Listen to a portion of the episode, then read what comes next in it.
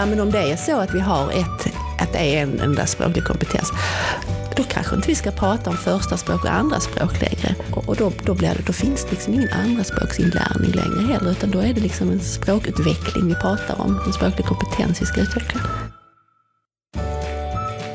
Välkomna till Pedagog Malmö, en podcast från Pedagog Malmö.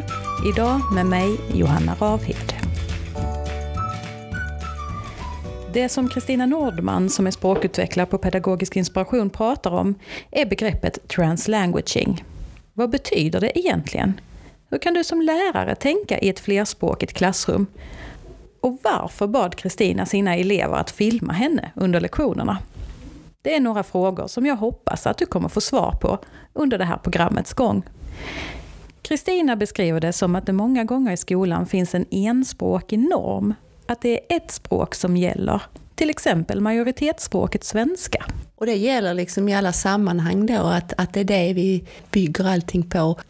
Kanske till och med så att andra språk, att man känner sig lite hotad av andra språk. Att man i alla sammanhang så är det bara majoritetsspråket som vi ska använda och som vi ska också uttrycka våra kunskaper på. Klart att jag har sagt i klassrummet liksom, nej men här pratar vi svenska så fort jag hörde någon annan, något annat språk eller så. Och, och, och, det gjorde jag i välmening, för jag trodde ju och tänkte ju att, att om vi ska lära oss svenska här så måste vi prata svenska hela tiden och ingenting annat det var inte så illa att jag hade liksom skrivit skyltar och så med det, som man har läst om att det finns på vissa skolor. Men, men absolut att jag reagerade liksom hur snabbt som helst på att nej, här var det svenska som gäller. Och, och, det var ju för att jag, alltså jag var ju, i min lärarutbildning så var det ju så, det var de här språk, teorierna om språkbad i Kanada, man läste om att, liksom att, att man skulle liksom skölja över eleverna med det här språket. Och det, och det funkade ju där, för då var det ju franska och engelska, alltså det är två högstatusspråk. Och, och det behövdes kanske inte så mycket explicit undervisning då kring hur det hela går till, för att liksom det fanns andra eh, saker som, som gynnade det. Liksom språkutvecklingen där.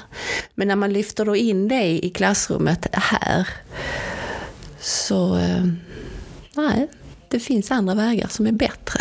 Och det har man kommit på nu ju.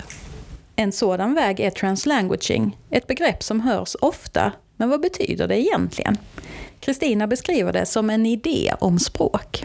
Att egentligen finns det inga språk, alltså, det låter jättekonstigt, men att vi, har, att vi människor har en språklig kompetens som vi utnyttjar. Och lever vi i en enspråkig miljö eh, så lär vi oss ett språk och utvecklar det och, och, och använder det för att tänka och uttrycka våra kunskaper.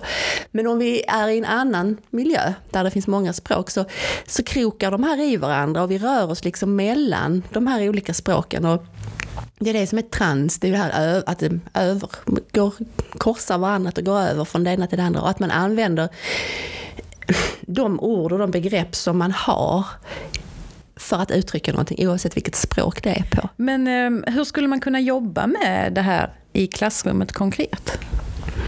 Alltså, man brukar prata om, när man pratar om translanguage så pratar man om liksom två delar. En, en attityddel och en metoddel.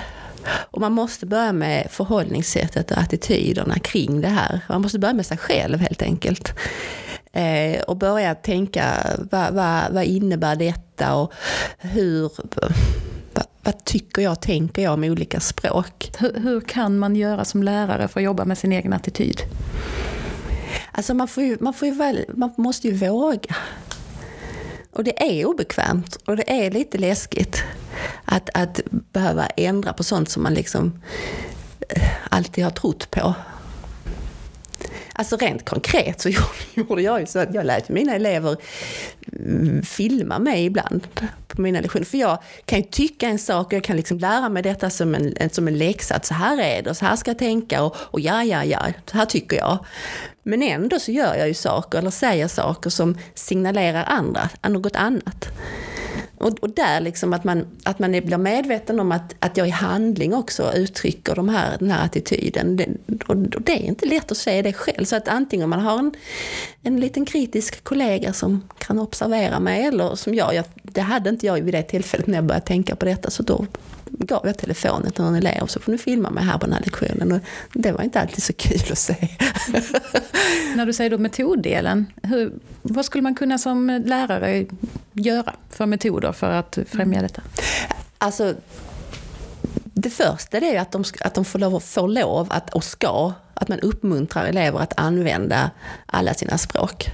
Så att om jag startar ett, ett arbetsområde, att jag placerar elever som har samma språk eh, tillsammans, så att de kan börja och eh, fånga upp sina förkunskaper på sitt modersmål då, tillsammans.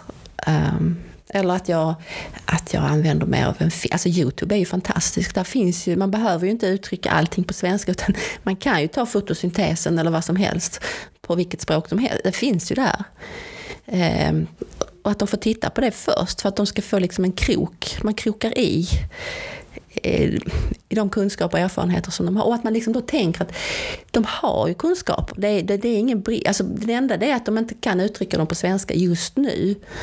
Men vi håller på att, att se till att det ska gå, att, att modersmålet och, och svenskan då kan eh, utvecklas parallellt. Så det är en sak att jag hela tiden jobbar tillåter och uppmuntrar modersmålet som en resurs. Men om jag som lärare kanske bara kan svenska, mm. hur vet jag att de filmerna som visas på Youtube är eh, bra innehållsmässigt ifall det är mm. på ett språk som jag inte förstår? Ja, nej, det vet jag ju inte. Jag kan inte arabiska, jag kan inte dari. Jag får ju dra nytta av mina kollegor då som kan språk. Ja, och så får jag, jag får lita på, alltså jag får, det är lite läskigt. Men det är ändå bättre än att de inte har en aning om vad det handlar om, det vi håller på med. Mm. Hur ska man veta som lärare att eleverna pratar om det som de ska prata om? Mm. Alltså det kan jag inte heller veta, men jag tänker så här att om jag, alltså min undervisning, jag är övertygad om att min undervisning kan göra skillnad. Och om jag ser till att ge dem riktiga utmaningar, där de, där de måste tänka, där de måste jobba och de drar nytta av varandra. Så jag ser ju på dem om de jobbar med det de ska eller inte. Och jag ser om det är någon som, som eh, plötsligt blir ledsen för att någon har varit taskig. Jag kan inte avgöra hur pass grov kränkningen är kanske, som kommer på det här språket då. Men jag, jag kan ju definitivt avgöra att här har hänt någonting som inte är okej. Okay. Eh, så, och om de då håller på och pratar om någonting annat, eller, alltså, det, nej, jag känner det. Jag känner det. Och, det, och då, eh, då får jag i så fall tänka, vad, vad, vad, kan jag göra för att de ska bli så engagerade i uppgiften att de inte gör det? Alltså det är inte eleven, utan det är jag som ska skruva på undervisningen. Att ha ett gemensamt språk i klassrummet, i det här fallet majoritetsspråket svenska, är viktigt menar Kristina. Men det är inte det viktigaste det viktigaste det är att, att varje elev kan utvecklas och kan liksom få lov att, att tänka svåra tankar och få sina utmaningar så att de kommer så långt de kan och det är oavsett vilket språk. Att de blir sedda, att de blir bekräftade, att, deras, att identitetsutvecklingen att det här är viktigt, att, att jag är viktig och min bakgrund och mitt språk är viktigt, eller mina språk är viktiga.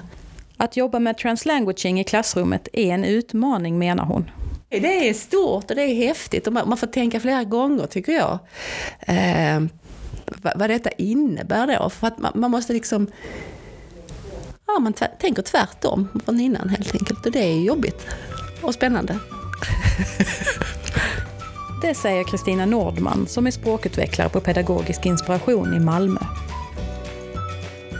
Och detta var det sista avsnittet för terminen från Pedagog Malmö. Hör gärna av dig till redaktionen på pedagogmalmo malmo.se. Tills dess, trevlig sommar och vi hörs igen i höst. Hej då!